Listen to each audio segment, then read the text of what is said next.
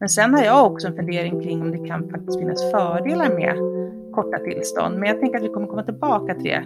Om du bara tittar på förslagen, Anna, kommer detta att leda till en långsiktigt hållbar migrationspolitik? Så tycker vi det är bra att man övergår till eh, en, en lag och inte har en, både en eh, utländsk lag och en tillfällig lag som man refererar till. Hej och varmt välkomna till Människor och migration. Podcasten om människor på flykt och deras rättigheter. Mitt namn är Maja Dahl och jag är kommunikationsansvarig på Asylrättscentrum som ger ut den här podden. Mm. Under våren och hösten har vi följt den parlamentariska kommitténs arbete. Vi har i olika avsnitt djupdykt i förslagen, pratat om några av de förslag som sedan inte fick följa med hela vägen till betänkandet, blickat ut mot Tyskland och blickat tillbaka till den 24 november 2015 och pratat om datumet då allt ändrades. Idag har det blivit dags att ta oss an nästa steg i vägen till ny migrationspolitik, remissvaren. Den 7 oktober skickade regeringen ut betänkandet En långsiktigt hållbar migrationspolitik på remiss. Remissinstanserna fick två månader på sig att läsa de 684 sidorna och återkomma med sina perspektiv på förslagen.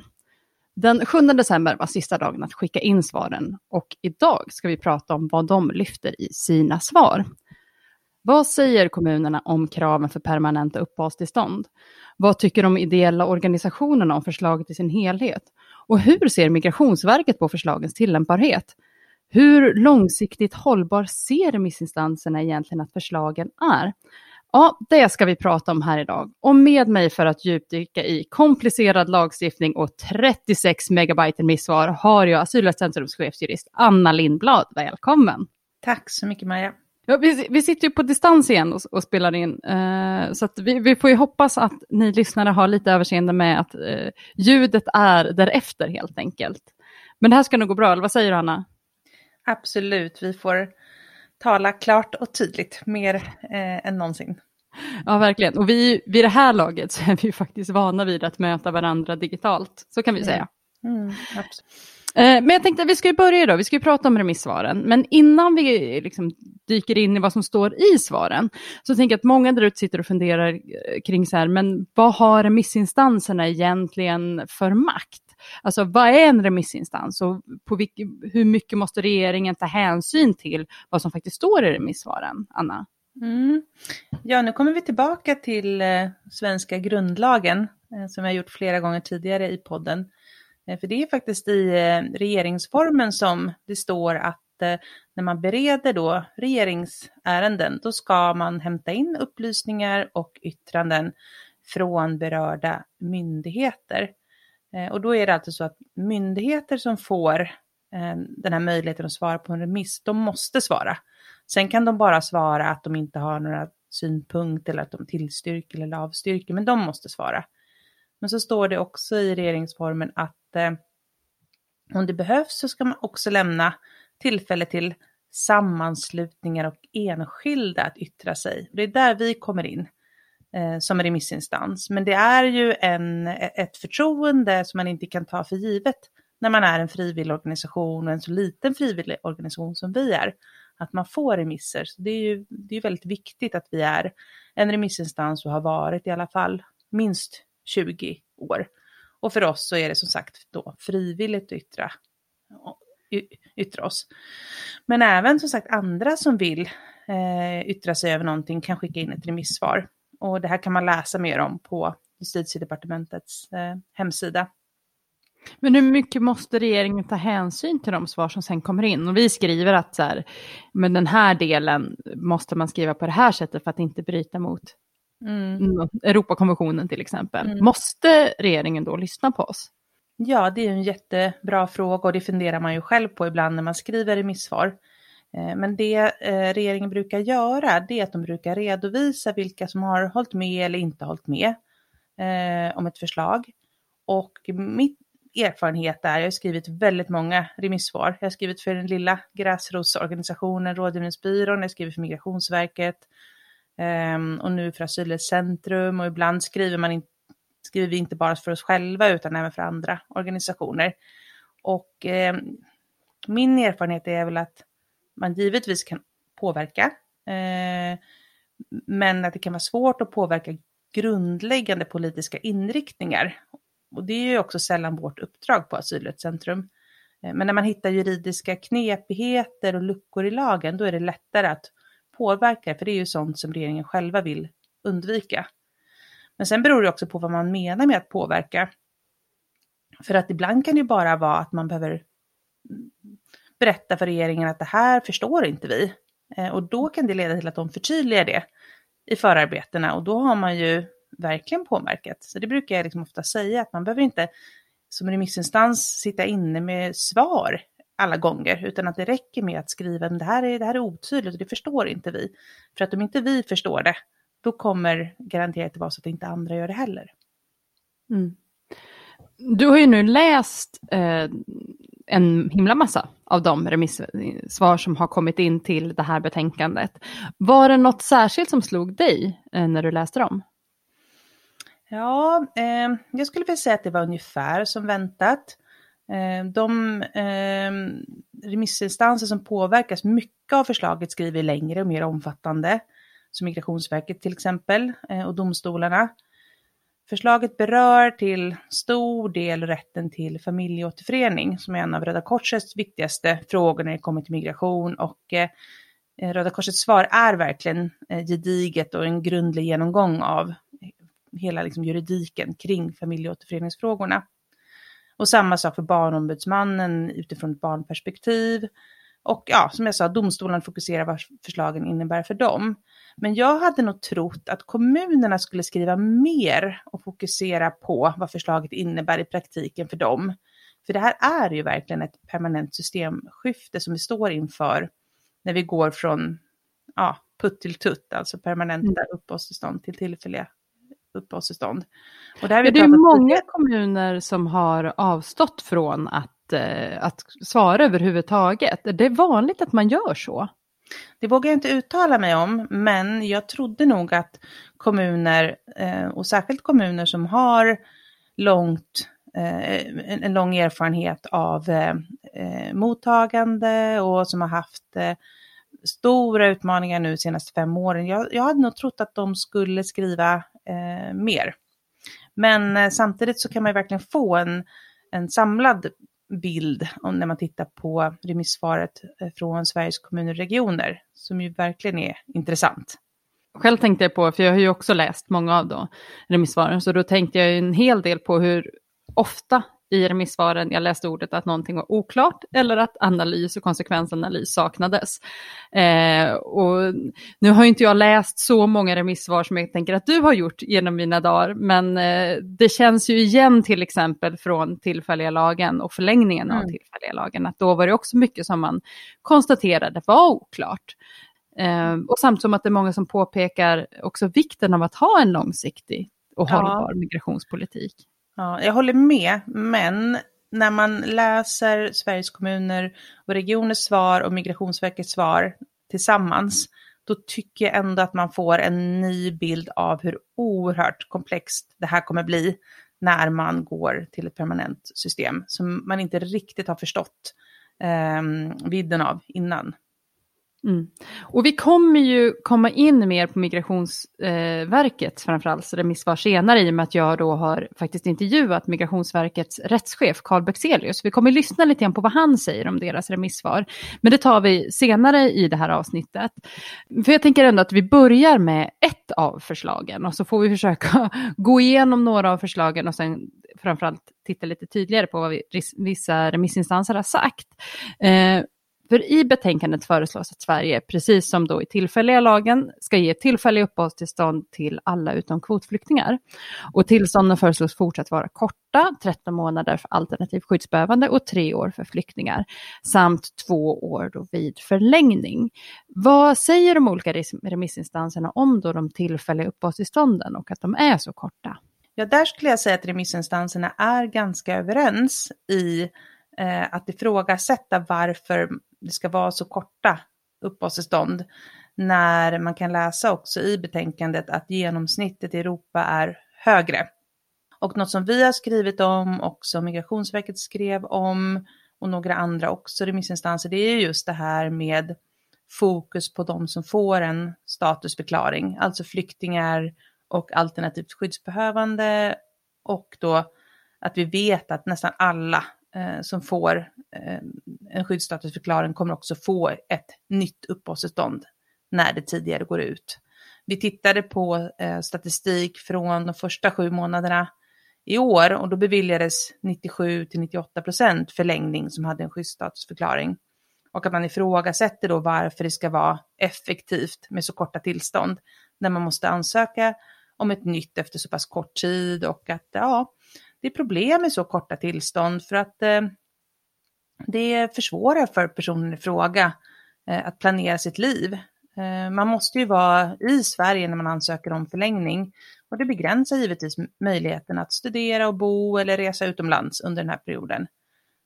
Och vi har också sett problem ehm, för den här gruppen att kanske få den vård som man behöver när man har ett för kort tillstånd.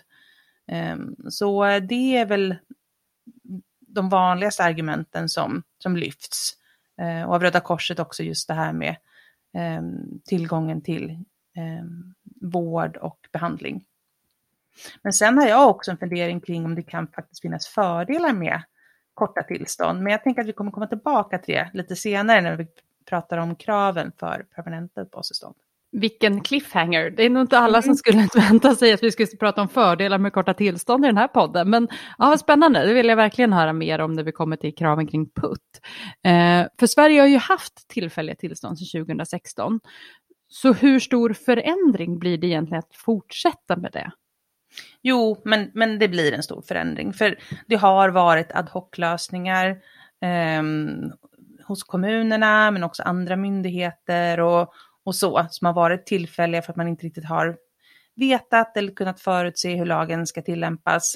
Eh, jag håller verkligen med de remissvar som säger att det här är ett systemskifte. Och att det man måste tänka på att nu gäller det ju alla grupper. Alla personer som kommer till Sverige, tänk alla olika ärendekategorier som finns.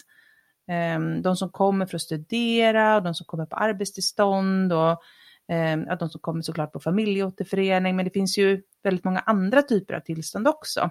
Och ehm, det här förslaget som nu ligger, eh, det innebär ju då att den, de som inte uppfyller förutsättningen för att bevilja sig permanent uppehållstillstånd efter ett tag, Ehm, de kommer att vistas i Sverige med tidsbegränsade uppehållstillstånd under långa perioder och det är väl den liksom långsiktigheten och vad det kommer innebära för personer att ha tillfälligt på tillfälligt på tillfälligt. Det är väl det som, som också blir ett nytt perspektiv i, i det här lagförslaget. Mm. Och det tänker jag att många som sitter och, och, läser remissvaren, för att jag tänkte själv det, att, men det kan ju inte vara så stor skillnad att fortsätta med någonting som vi har nu. Men eh, när jag pratade med Carl Bexelius, och Migrationsverket är ju en av de remissinstanser som har lyft att just tillstånden och att, att vi går över från permanent tillstånd till tillfälliga tillstånd som norm eh, och att det gäller alla utom kvotflyktingar, eh, att det blir ett systemskifte. Och jag var absolut inte beredd på det, så det är jätteintressant just att höra det perspektivet att så här, det handlar om ett helt sätt att arbeta med tillstånden. Så att, alltså, man tänker så lätt att så här, tillstånd som tillstånd, hur, hur, stor skillnad kan det vara på att, att ta tillfälligt tillstånd nu och att det kommer vara det efter det röstas mm. igenom i juli. Mm. Jo men exakt så är det och en annan sak som man måste komma ihåg det är att ja, tillfälliga lagen infördes 2016, men då var vi ett ganska, ganska eller ja, mycket kaotiskt tillstånd med långa handläggningstider och höga inströmningen från 2014, 2015. Eh, vi hade medicinska åldersbedömningar och eh, eh, gymnasielagen som var på gång. Så att eh, det tog ju ett tag innan man började tillämpa den här nya lagen 2016, för man hade så höga balanser att avgöra innan som skulle eh, avgöras enligt då gamla utlänningslagen. Så att på ett sätt så har man haft den här, det här systemet med tidsbegränsade uppehållstillstånd sedan 2016, men samtidigt inte för att det var viss förskjutning. Mm. Och eh, det är ju inte bara det att eh, vi går från permanent uppehållstillstånd till tidsbegränsade uppehållstillstånd, för det kommer ju också vara, som sagt, nya regler för vad som händer när man ska söka permanent uppehållstillstånd. Mm. En annan del som, som eh, lyfts i remissvaren och som jag vet att Asylrättscentrum också poängterar, det är ju att tillstånden blir olika långa för flyktingar och alternativskyddsbehövande. Och som jag förstår det när jag läser vårt eget remissvar, är att det här kan bli ett problem för långsiktigheten i lagen. Varför är det så? Ja, eh, det stämmer och det finns ju, man kan lämna ett väldigt långt svar på det, men det korta svaret är väl att eh, det finns pågående mål i Europadomstolen eh, om just detta. Eh, om man kan diskriminera alternativ skyddsbehövande på det här sättet. Eh, och då kan det ju hända att vi kommer behöva i Sverige ändra lagstiftningen när de här avgörandena kommer som, som vi väntar på. Eh, och det är också någonting som andra remissinstanser lyfter, inte bara när det gäller tillståndets längd för flyktingar och alternativt skyddsbehövande, utan också tolkningen av flera eh, Ehm, olika begrepp som används i den här nya lagstiftningen, som till exempel välgrundande utsikter att få ett varaktigt uppehållstillstånd. Det är en ny term i svensk migrationsrätt. Tidigare har man pratat om välgrundade utsikter att få ett permanent uppehållstillstånd och där har vi praxis men varaktigt uppehållstillstånd, det är nytt och det kommer behöva tolkas av EU-domstolen. Ehm, så, så, så kommer det ju vara nu ehm, att vi kommer ju behöva göra ändringar när EU-domstolen, Europadomstolen och EU, inte minst genom ehm, eh, e EU-kommissionens då lagstiftningsprocess, kommer komma med, eh, med nyheter som vi måste implementera. Men det, så hade det ju varit lite ändå, tänker jag. Eh, men givetvis så är det här eh, långsiktigt planerat, men samtidigt kan det ändras när som helst. Mm. Man skulle ju kunna prata om längden på tillstånd och eh, särskiljandet av alternativskyddsbehövande flyktingar och att alla ska få tillfälligt tillstånd egentligen hur länge som helst. Men det hinner vi inte, utan vi eh, skyndar raskt vidare och går in på nästa del som är familjeåterförening. Eh, och förslaget är ju att fortsatt ha försörjningskrav för familjeåterförening, men då att både flyktingar och alternativskyddsbehövande kan undantas försörjningskravet om de lämnar in sin ansökan inom tre månader efter det att de har fått sitt uppehållstillstånd. Eh, och innan vi pratar om vad remissinstanserna sagt vill jag att vi lyssnar på en av de personerna vars liv påverkats av lagstiftningen. För några dagar sedan så pratade jag med Negassi som idag inte får återförenas med sin familj på grund av att han inte uppfyller försörjningskravet och som heller inte fick information om att familjen hade tre månader på sig att lämna in ansökan för att man då skulle slippa försörjningskravet. Så låt oss nu lyssna på Negassi. Jag kom till Sverige 2015 i juli. Jag har fått uppehållsassistans eh, 2015 i november. Uh, sen när jag fick uppehållsassistans, de sa till mig varsågod Sverige, uh, du kan hämta din familj. Mm. Din familj du, du tar ut och, utan Eritrean eller uh, Ethiopians. Sen 24 november då kommer nya bloggen då börjar. Uh, jag fick inte information. Jag var kamp i Norrköping. Också jag fick inte ingen uh, information. Uh, hur kan jag, ska fylla den uh, i tre månader uh, söka min fru och jag. Jag förstår inte den. Då kommer nya lagen. Sen då kommer det svårt livet eh, till mig här i Sverige. Också familjen, det stressar barnen. Uh, jag har fyra barn och uh, fru. Vi är sex personer. Uh, de, uh, sen de frågar till mig, du måste bostad, bostad och uh, inkomst. Jag kan inte, jag är ny i Sverige. Jag har ingen utbildning, bra utbildning. Mm. Det är svårt till mig, livet i Sverige. Uh, jag har börjat jobb, få jobb. Också, jag har ingen bostad i Stockholm. Jag bor i Stockholm. Mm. Ingen bostad. Det är jättesvårt till mig. Om uh, man fick jobb, ingen bostad. Om bostaden, ingen jobb. Det är jättesvårt till, uh, till mig. Uh, nu min familj, de bor i uh, Etiopien. Etiopien också börjar krig. Det, också, det kommer andra stress också. Mm. De är rädda. De kan inte gå ut. Det är svårt. Ja, Anna, vad tänker du på när du hör vad Nagassi berättar om? Jag tänker att det här är en situation som vi väl känner igen från de senaste åren. Att eh, personen som söker uppehållstillstånd på anknytning, men även personen då som är i Sverige känner inte till riktigt vad som gäller Eh, och inte heller olika sätt som man kan ansöka på. Man kan ju initiera processen i Sverige och man kan ju givetvis ansöka elektroniskt och eh, det finns ju såklart sätt så att man ska kunna ansöka i tid, men det, men det kräver att man är medveten om det. Och eh, Migrationskommittén föreslår nu i betänkandet att myndigheter ska få en informationsplikt eh, Eh, för vad som gäller eh, för att personer ska kunna återförenas med sina familjemedlemmar. Och det är bra, men eh, vår bedömning på Asylrättscentrum som vi har skrivit om i vårt remissvar, det är att ett sådant ansvar finns redan och att det framgår av en dom från EU-domstolen som säger att för att den här tre månaders regeln ska få användas så måste det finnas regler som säkerställer att personer har information om vilka konsekvenser ett beslut att avvisa den första ansökan kan få. Um, och vad man kan göra för att kunna återförenas med sin familj. Um, men, men det är ju, samtidigt så är det ju bra att, att det här förslaget finns nu i betänkandet. Mm, för jag tänker att en sån sak som Nagassi också berättar för mig, som vi nu inte hörde i det här klippet, men det är ju att det är ju ganska många i Sverige som sitter i den situationen som, som han gör. Mm. Och de har ju till och med liksom en Facebookgrupp med typ 600 medlemmar som delar med sig av sina erfarenheter och pratar och liksom ger varandra råd och tips hur man kan gå vidare. Men det innebär ju också att de här 600 personerna som finns i Sverige, de har ju sina familjer någon annanstans. Och de här barnen finns ju då i situationer och eh, ibland i flyktingläger, ibland på andra ställen som kanske inte alltid är de uppväxterna som de här människorna önskar för sina barn.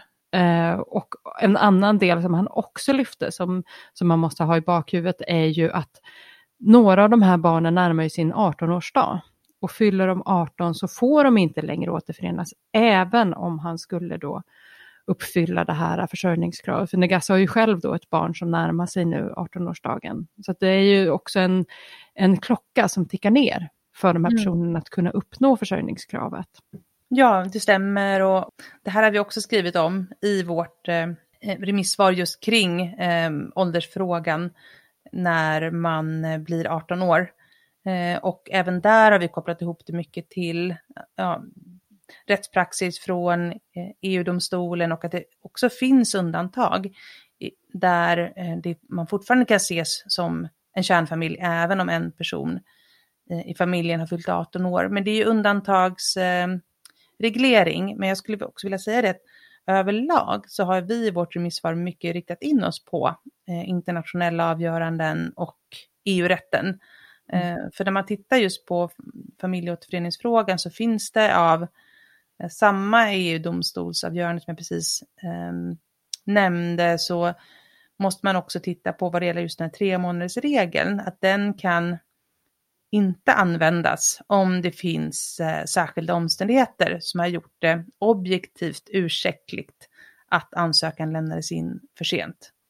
Mm. Och, och jag tycker lite att man har i betänkandet missat faktiskt att ta med tillräckligt mycket av eh, Europarätten Eh, Eh, och viktiga eh, avgöranden eh, som har kommit från EU-domstolen och Europadomstolen eh, som, berör de här förslagen. Mm. Ja, det jag tänker också på, eh, jag har liksom lite svårt att släppa Negassis berättelse, men för en mm. annan del av det han lyfter är ju också lite anledning till att man pratar om försörjningskrav i det här, så här integrationsperspektivet. Och nu ska väl inte vi gå in och bli alltför politiska i det, men mm. om man då ser liksom vad, eller man lyssnar på Negassi, vad han berättar, att han sitter lite som i en rävsax, att han har ju jobb i Stockholm, men han kan i Stockholm inte hitta tillräckligt stor bostad också för att få hit sin familj, för att det krävs en ganska stor bostad för att få hit fyra barn. Eh, och den frågan är ju också, också svår, tänker jag, utifrån ja, men ett integrationsperspektiv, att vart man då kan få jobb och vart det kommer finnas bostäder. Det är inte nödvändigtvis i samma ort som det kommer ske. Eh, och det är ju knepigt ur ett, man då säga, om man nu pratar om integrationsperspektivet i det hela, Vart Mm. ska människorna bo och vart ska de jobba och vad kommer vara viktigast? Exakt. Eh, För man kommer alltid vilja återförenas med sin familj. Mm. Och det var också det som jag hade tänkt att, att kommunerna kanske skulle skriva mer om eh, i sina remissvar. För även om det införs undantag till försörjningskravet till exempel, så är ju undantag tänkt givetvis att tillämpas på undantagssituationer. Och det här är så pass vanliga situationer. Så det här är ju Mm. någonting som vi kommer att, att, att leva med, med den nya lagstiftningen. Är det något mer som remissinstanserna lyfter när det gäller familjeåterförening? Ja, eh, det är ju väldigt mycket, men några saker som eh, går igen i många remissvar, det är ju det här att man kan tvingas välja mellan sina barn och vilka man kan ta med till Sverige för att ehm, Ehm, ja, möta då försörjningskravet. Och en annan sak som många remissinstanser har tagit upp, eh, och det kanske inte var så eh, förvånande och det vi pratat om flera gånger i podden, det är ju att om man tar bort möjligheten för familjeåterförening för personer som inte har levt ihop i hemlandet, då riskerar det att drabba till exempel då hbtqi-personer och andra utsatta grupper som inte har kunnat leva tillsammans i hemlandet för att de lever i en normbrytande relation eller kanske till och med en relation som medför fara för personerna i fråga. Ehm, så det, det är genomgående skulle jag säga i remissvaret att, att man lyfter detta. Men sen också någonting som jag har tänkt på det är ju det här att gränserna, eh, gränserna förskjuts som jag tycker är ganska intressant.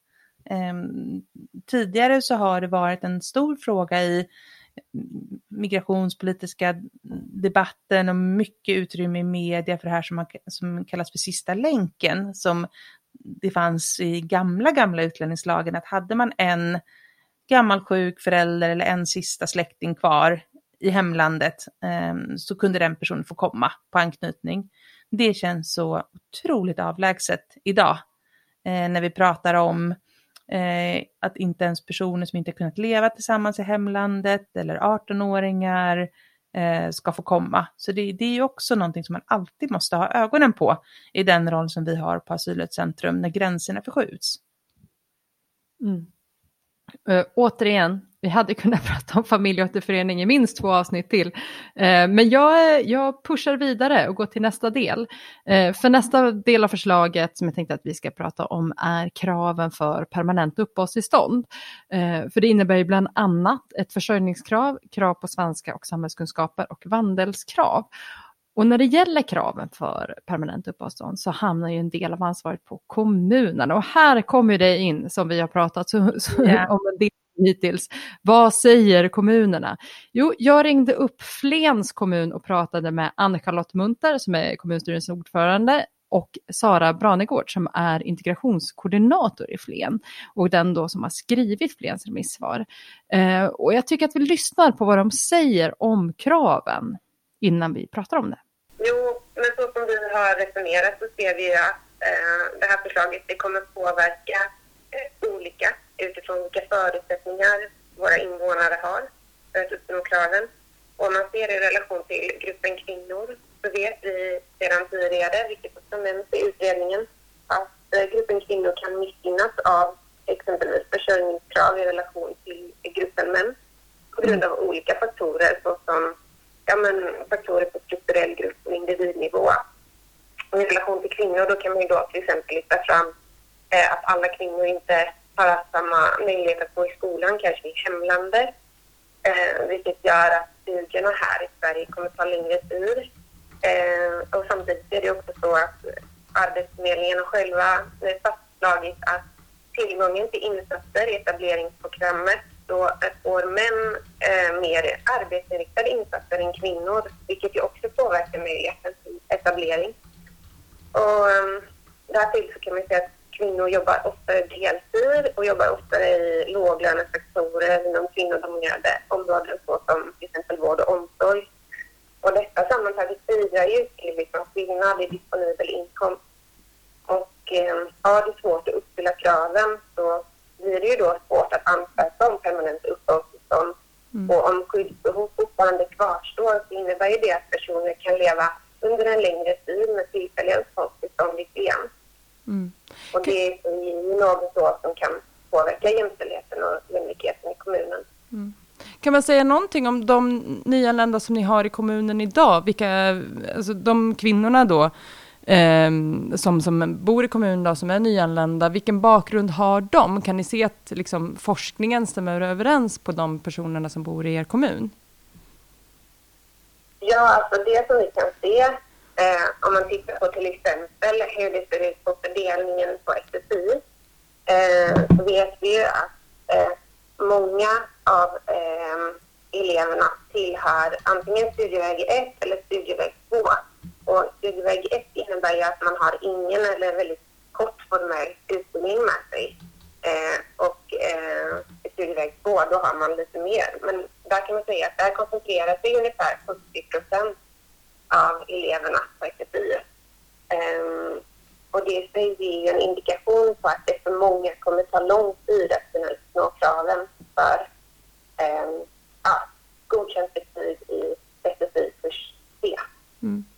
Ni lyfter även i ert remissvar att ni ser en risk för ökade kostnader. Vilka kostnader är det som är kopplat till då förslaget kring krav på putt som ni ser? Det som är då i och med att man eh, har lagt fram det här förslaget om att eh, man ska kunna uppfylla kraven ehm, eh, för permanent uppehållstillstånd genom ja, språkkrav och eh, samhällskunskapskrav så gör ju det att kommunen måste kunna erbjuda eh, kurser och prov eh, som är ändamålsenliga för den här målgruppen då. Och det väntas innebära kontinuerliga merkostnader för språkundervisning och samhällsorientering, administration och prov eh, men det kan också innebära eh, att man behöver se över ens personalresurser för att kunna möta det här eh, behovet då.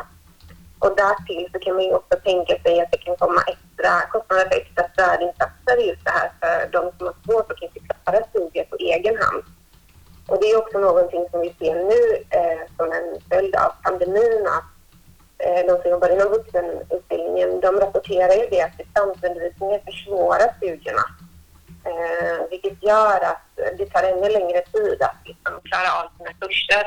Och just det också att vuxenutbildningen tidigare har erbjudit liksom, en möjlighet att kontinuerligt prata svenska. De sammanhangen minskar också, vilket också påverkar språkutvecklingen. Eh, det är också något att ha i beaktande. Så då har vi lyssnat på vad Flens kommun hade att säga. Anna, vad tänker du när du hör Ann-Charlotte Munter och Sara Brandegård?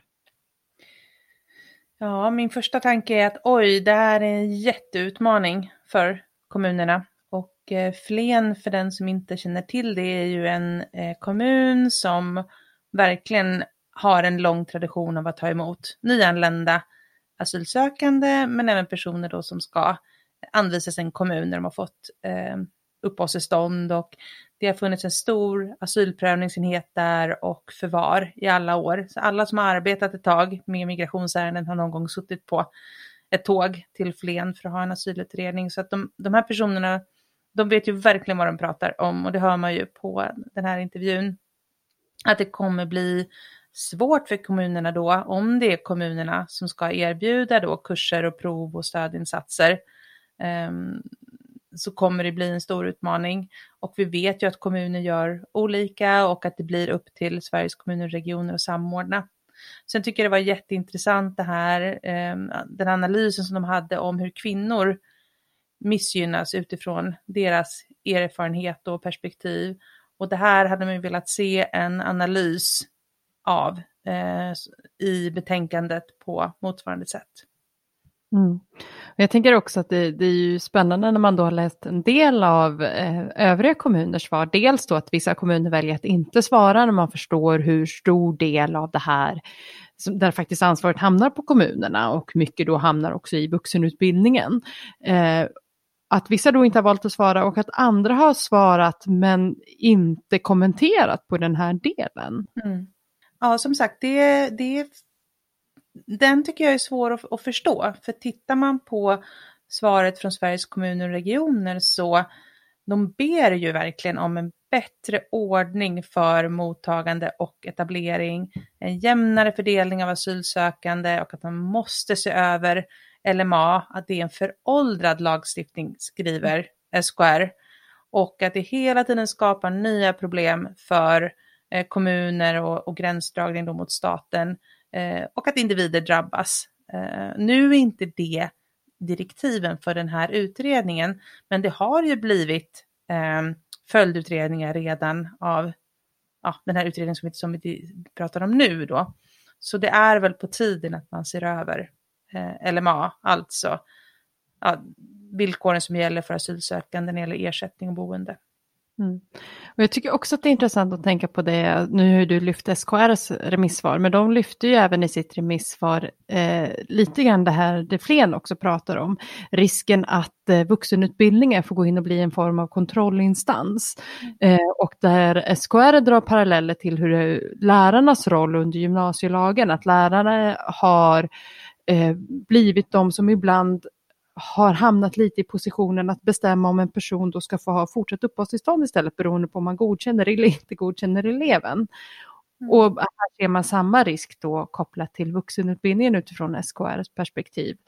Eh, det är ju en, det är ju en väldigt känslig position att hamna i, det förstår man ju. Ja, verkligen.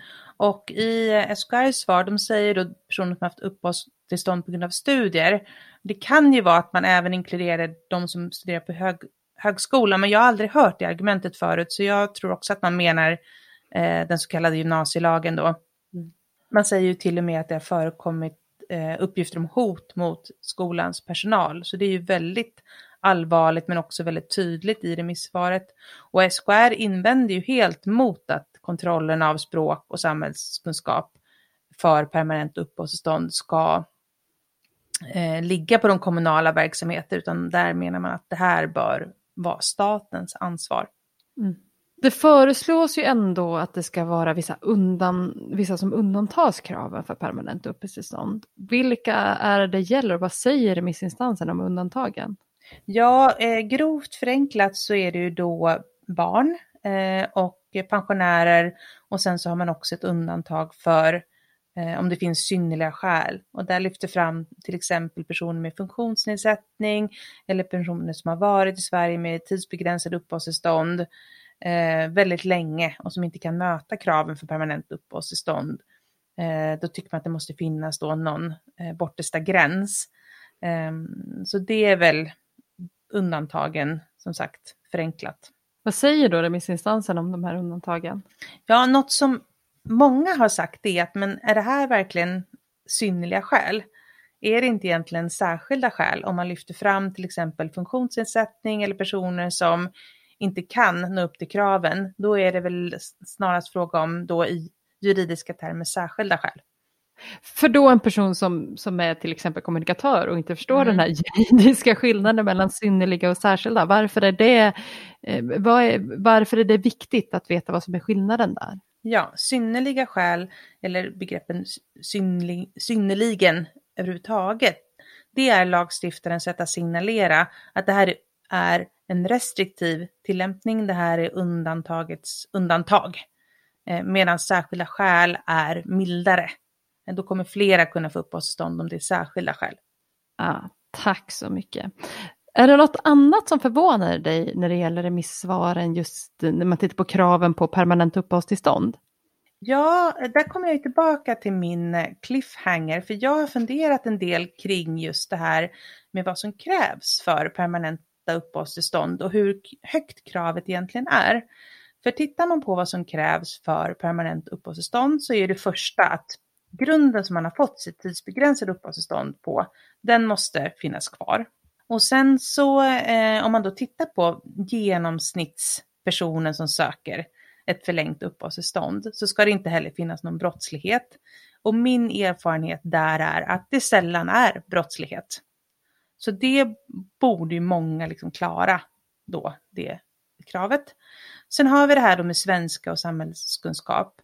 Eh, och även där är ju min erfarenhet som har jobbat med det här nu väldigt länge att många som kommer till Sverige eh, och särskilt unga personer eh, lär sig svenska ganska snabbt. Och om det dessutom finns det här incitamentet så tror jag att även det här är någonting som, som i alla fall unga personer, personer som går eh, i skolan kommer att lära sig. Och så har man då kvar det sista kravet för permanenta uppehållstillstånd som är försörjning. Och av förslaget framgår att inkomster då som kan ligga till grund för försörjningskravet ska vara uppfyllt eh, ska komma från anställning eller näringsverksamhet eller en kombination av detta.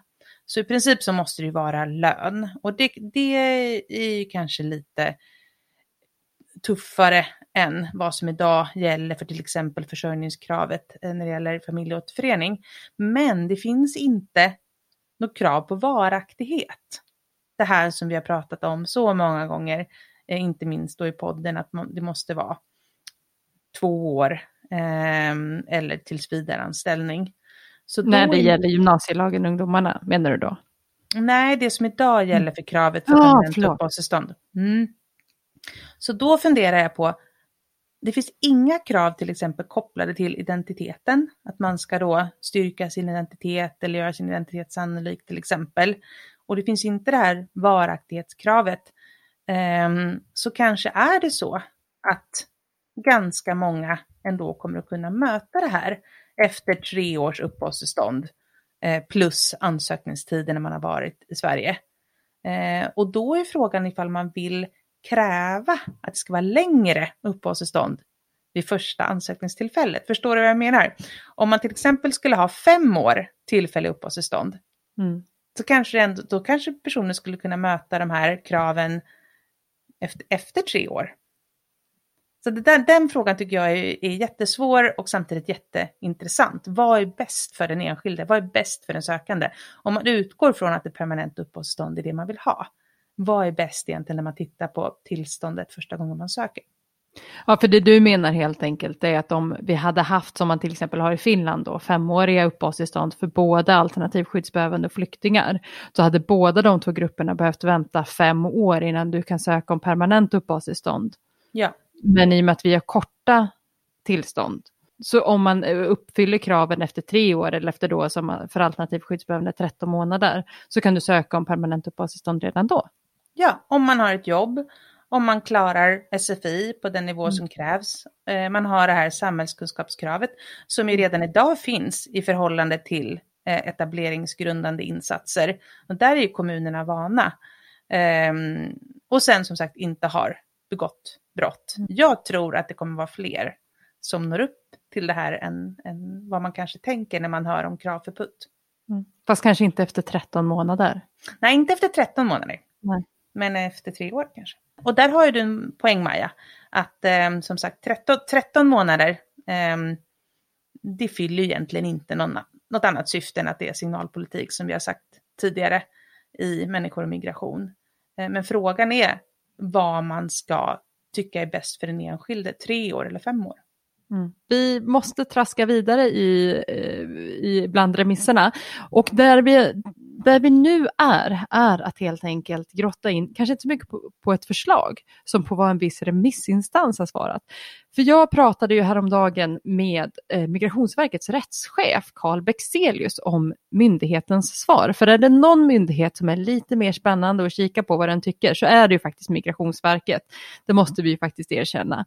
Eh, och i Migrationsverkets remissvar lyfter man möjligheten att automatisera förlängningsprocessen.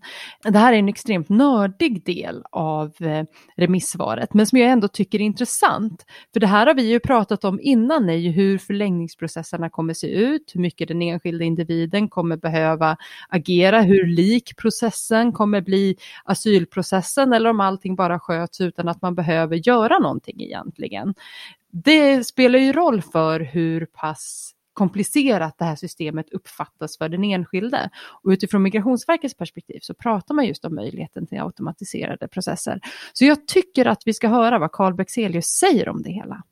Det här är ju ett ganska nytt område för oss kan man säga. Eh, myndigheterna eh, arbetar med digitalisering och automatisering eh, i ökad utsträckning men det beror på vilken eh, regelmassa man hanterar då. Så att Skatteverket till exempel eh, använder det här och har gjort en ganska lång tid. Eh, Migrationsverket är det relativt nytt område på och det är kanske inte så konstigt utifrån att eh, eh lag, lagstiftningen, utlänningslagstiftningen i många delar ofta kräver bedömningsmoment och då är det svårare helt enkelt att, att eh, automatisera.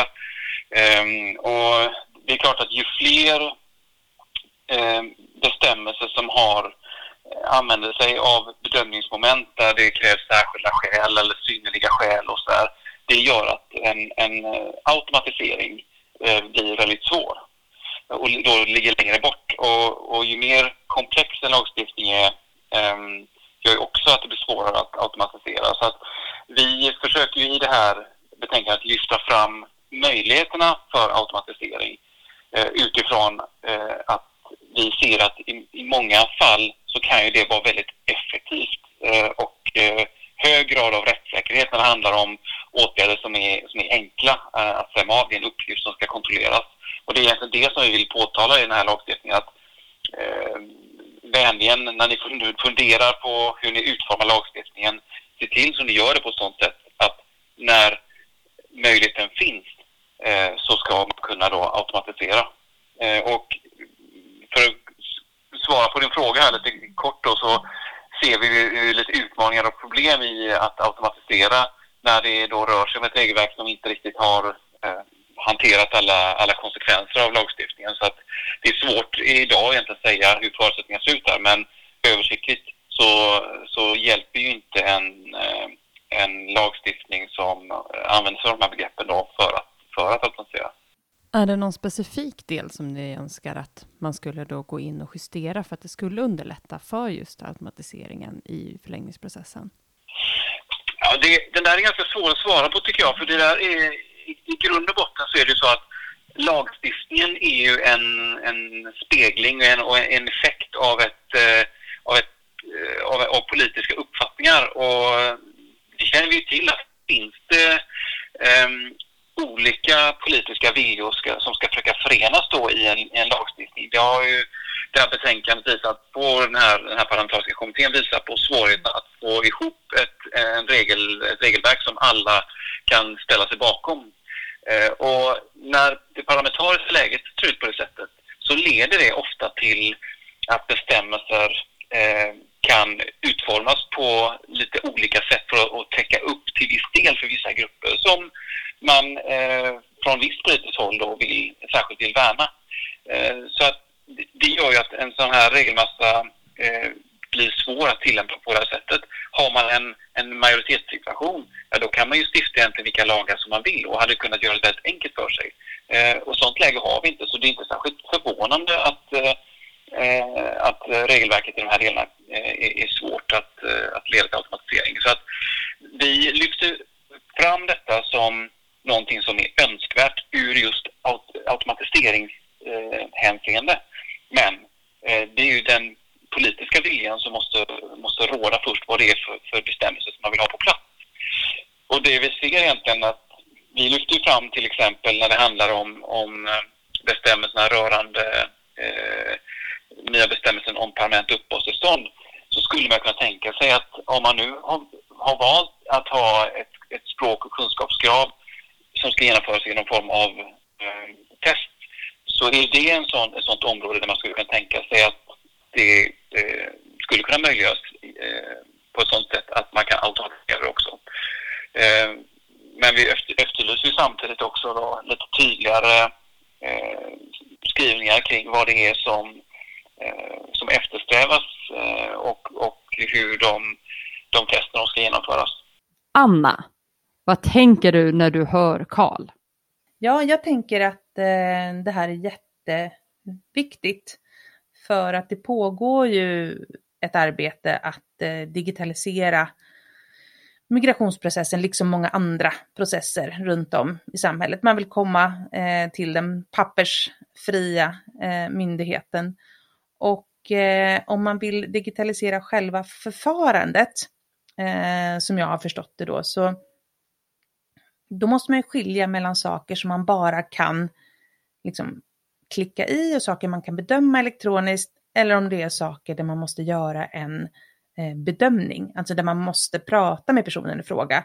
Eh, titta i tidigare handlingar, kalla till en muntlig utredning, inhämta kompletterande uppgifter. Och, jag, och som jag förstår det så är det det som Carl Bexelius pratar om, att ju mer moment det där man måste gå in och göra den här prövningen, desto svårare blir det att ha ett snabbt system som klickar i eh, för att man ska kunna få ett mer eller mindre då eh, automatiserat svar. Ah, Okej, okay. så om jag förstår dig rätt då, ju enklare regler, desto enklare att fatta beslut? Ja, exakt. Och på så sätt skulle man kunna ha en, en ganska alltså automatiserad då, förlängningsprocess. Mm. Så, så förstår jag det. Mm. Ja, intressant. Eh, jag tänker att vi går vidare i Migrationsverkets eh, remissvar. Eh, det där är en väldigt teknisk del. Eh, den andra delen är ju det som jag, som jag tänker är kanske det svåraste.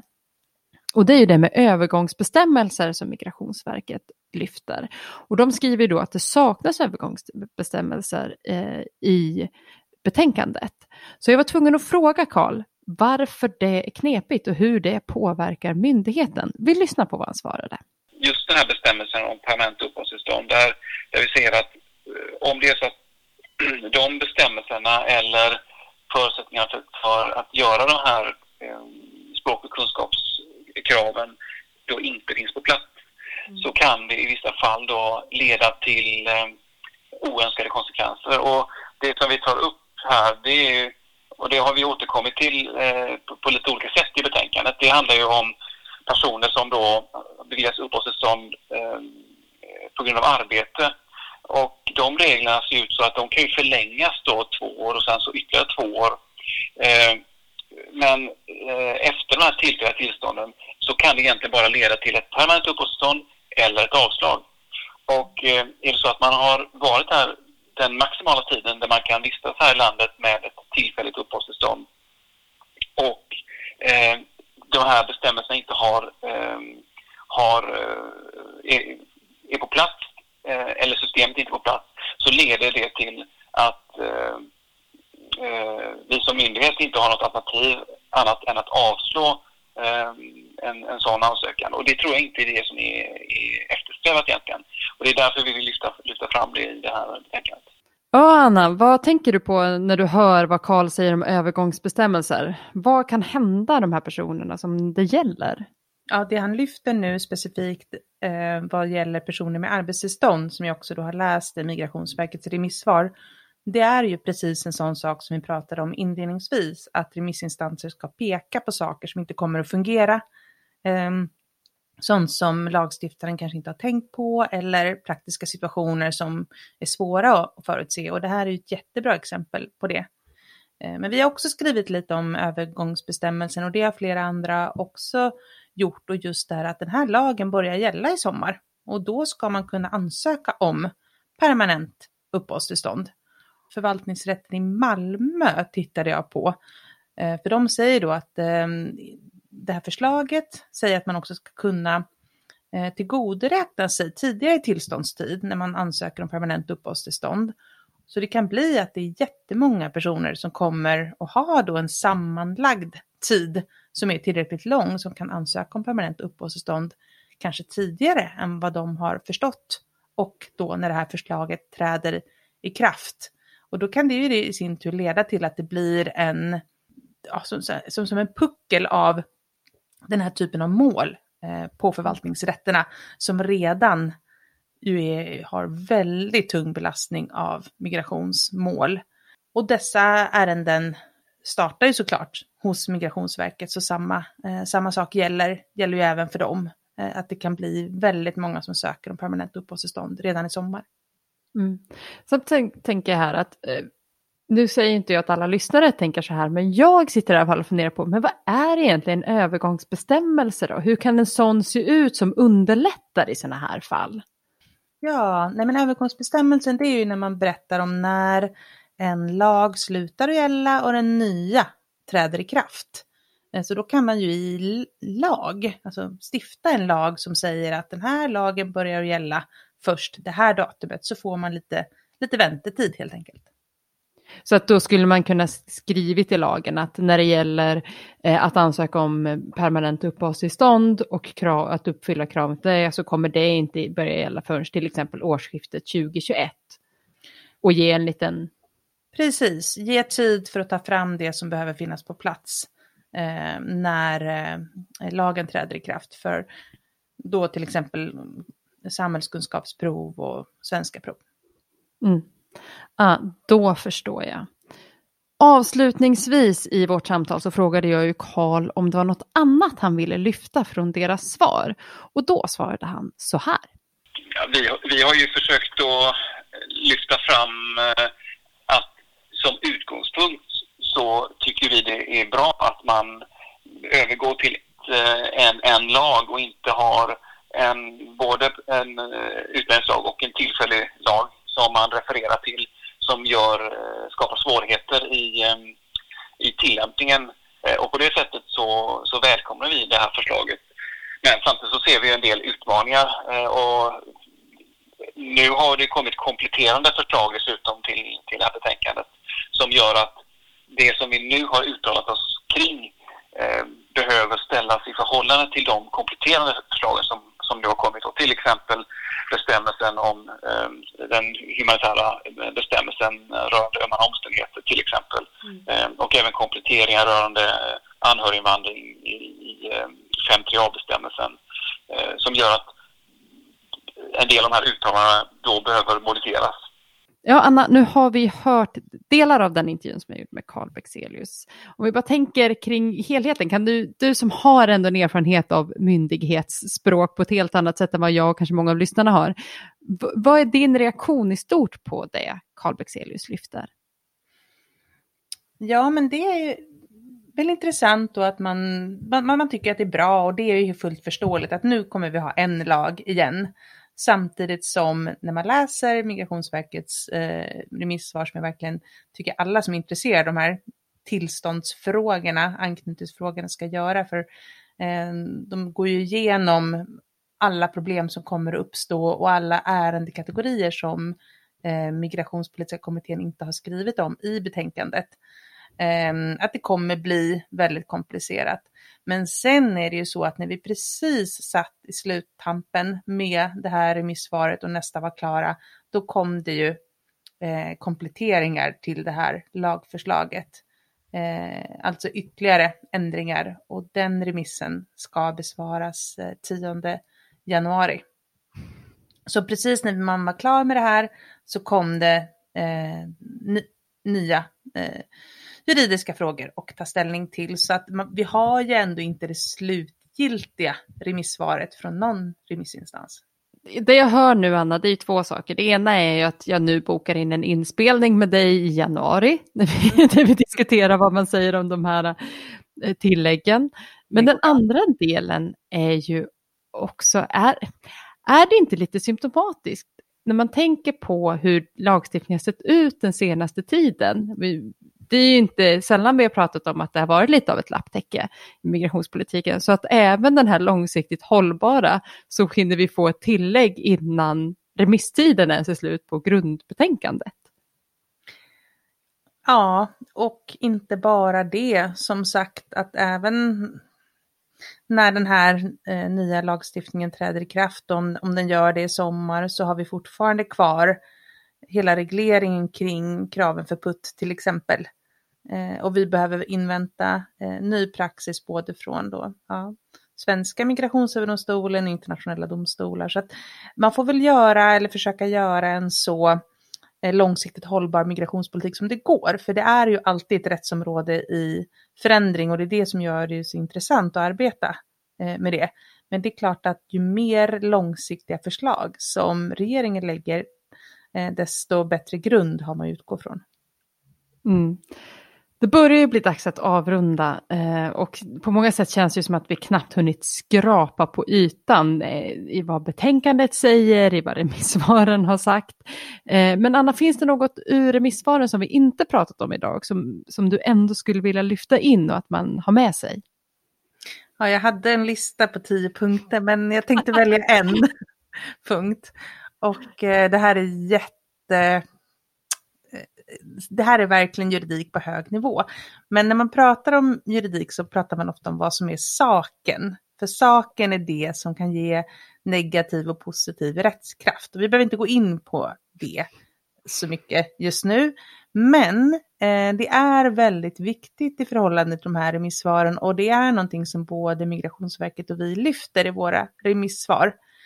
För i svensk migrationsrätt så gäller sedan ja, 2007 när Migrationsöverdomstolen uttalade sig om det här första gången att eh, saken är uppehållstillstånd. Så saken i ett migrationsärende är uppehållstillstånd. Och det får jättemånga olika juridiska eh, konsekvenser. Till exempel om man har ett tillfälligt uppehållstillstånd, då kan man inte ansöka om ett permanent uppehållstillstånd för saken är uppehållstillstånd. Och det, om man har kvar vid den tolkningen, då ger ju det stora konsekvenser för alla som får tillfälliga uppehållstillstånd och, vi som an och vill ansöka om ett permanent uppehållstillstånd för att man uppnår alla kraven. Men om saken är uppehållstillstånd, då måste man vänta. Jag inser att jag är ute nu på, på, på lite överkurs, men det är oerhört intressant. För det finns uttalanden i det här betänkandet som gör att man undrar ifall eh, kommittén anser att tidsbegränsade uppehållstillstånd och permanenta uppehållstillstånd inte är samma sak.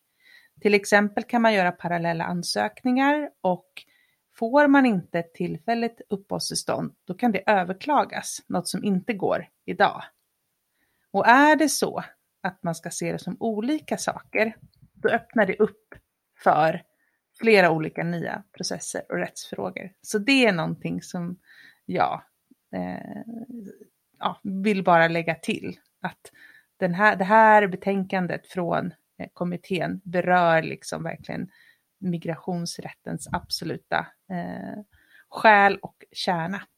Wow, det var jag inte beredd på, men vad spännande. Du kommer nog få försöka förklara det här för mig ett par varv till sen senare. Men, men det tar vi när vi har slutat spela in, för lyssnarna är nog smartare än vad jag är. Eh, själv kan jag säga att om är det någonting som jag suttit och funderat på eh, just när det gäller de olika remissvaren och vad man lyfter på olika sätt, som vi inte har pratat här idag, om här idag, det är att om man är politiskt intresserad eh, så det man kan göra det är att gå in i kommunremissvaren och se alla bilagor.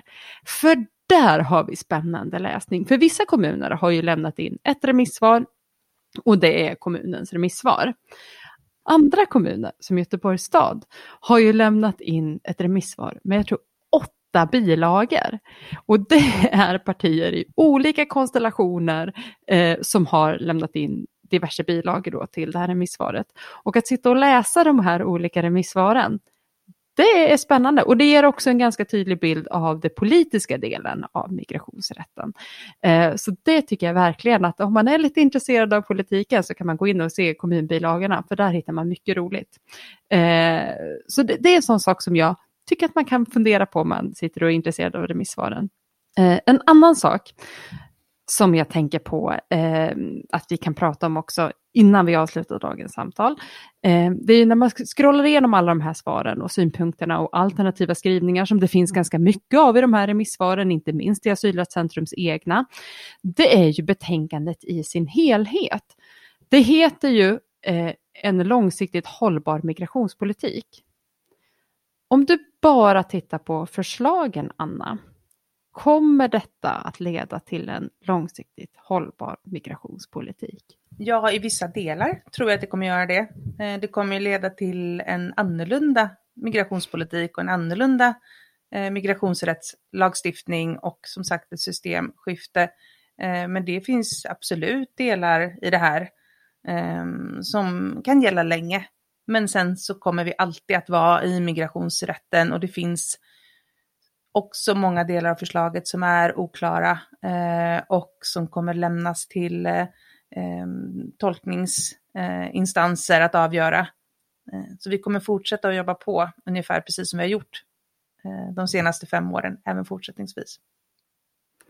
Mm, och jag tänker där eh, från ett politiskt perspektiv, i och med att det är oftast de glasögonen jag har på mig, är ju det att eh, vi ser på den politiska debatten nu hur olika partier slåss för olika delar, hur man slåss för kanske sina förslag på ett helt annat sätt.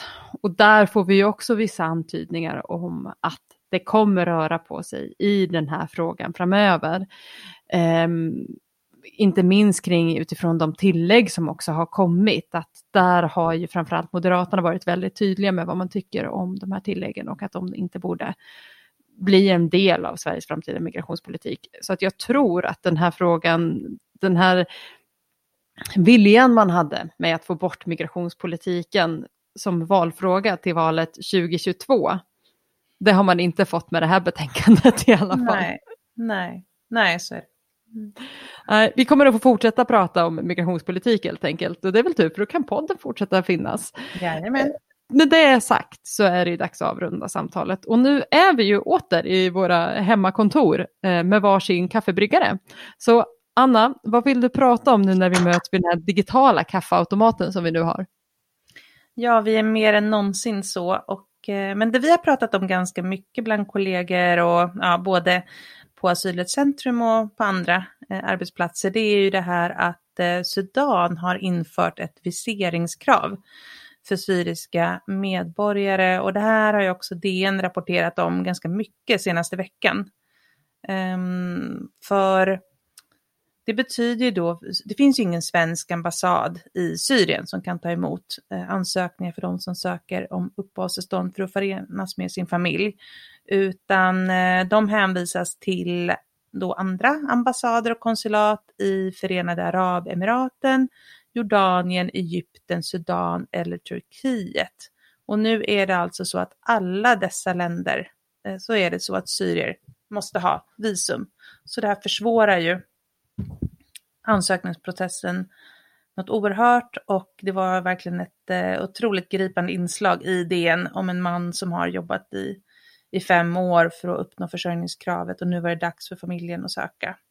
Och ja, vad de har för chanser att få, få åka till Sudan för att göra detta. Så det är ju verkligen oroande och, och sorgligt och ja, förfärligt helt enkelt. Mm. Och det kanske är en fråga som vi kommer få följa upp helt enkelt och se vad som händer med ja. eh, framöver. Eh, själv. Ja, vad har så... du tänkt på Maja? Jag tänkte ja, fråga. Ja, vad har jag tänkt på? Jo, jag har faktiskt, eh, tack vare ett litet tips från Bernt Parusell som gästade podden vi gjorde om Tyskland, så har jag tänkt jättemycket på Kanada. För Kanada kom för, jag tror att det är någon månad nu eh, sen, så kom de ut med sin strategi kring migration för 2021 till 2023.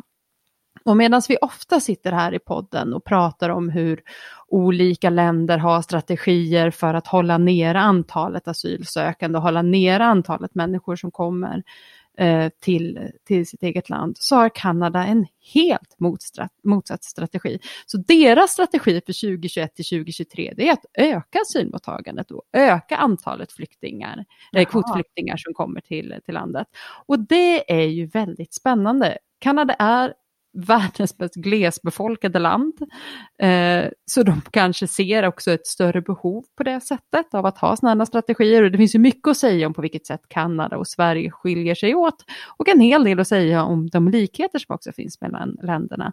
Men det är ändå spännande att, som måste jag ändå säga, Bernt lyfte på eh, sin Twitter att Kanada som land tog 2019 emot 30 000 kvotflyktingar. EU, mm. inklusive då Storbritannien, tog under 2019 knappt ihop eh, emot 27 000. Mm. Så Kanada som enskilt land tog alltså emot fler än vad hela EU gjorde. Och samtidigt har man som mål att 2021 och 2023 ta emot fler. Eh, och det är spännande, så jag ska ja. grotta in mig mer i Kanadas strategi och se lite grann eh, vad det är Kanada tänker annorlunda kring. För det är ändå också intressant att tänka att även om mycket handlar om att försöka ta emot färre i många andra länder, så finns det ändå de länder som tänker tvärt emot. Det, kan, det är med mig. Mm. Kan du inte samtidigt ta reda på varför Sudan har infört viseringskravet? Jag kan, jag kan grotta i det. Jag tror att eh, det är en knepigare fråga att reda ut, men jag lovar, hittar jag svaret på det så skickar jag det till dig och delar ju självklart med mig även med lyssnare. För med de orden eh, så tycker jag att det är dags att avsluta dagens samtal. Tusen tack Anna för att du tog dig tid att gå igenom alla dessa remissvar med mig. 36 megabyte. Ja, vi får väl passa på att önska god jul till de som firar och en trevlig helg till alla övriga lyssnare. Ja, verkligen. För nu kommer vi ju inte släppa några mer avsnitt eh, innan eh, nyår, så att säga, utan vi återkommer efter årsskiftet. Och det första vi kommer göra är väl då att prata om tilläggen, tror jag. Ja. Ja, det blir spännande. Eh, så tack till dig som har lyssnat. Tack för det här året. Det har varit fantastiskt att ha med er längs den här vindlande världen, färden som är vägen mot en ny migrationspolitik i Sverige. Eh, du som lyssnar, om det är så att du sitter och funderar på vad ska jag ge julklapp eller vad ska jag ge present till, eh, till min nära och kära, ja, då finns det en liten gåva till, eh, till Asylrättscentrum som man kan ge så att vi kan fortsätta göra den här podden. Du går in på, på Asylrättscentrum och klickar på stöd oss så hittar du oss där. Eh, har du frågor eller kommentarer på dagens avsnitt så kan du antingen kommentera direkt i, på Facebook i kommentarsfältet där till avsnittet eller så kan du skriva till oss på Twitter. Når du på attsveraf-org och Anna? På Rebecka Anna på Twitter. Toppen! Tack till dig som har lyssnat och tack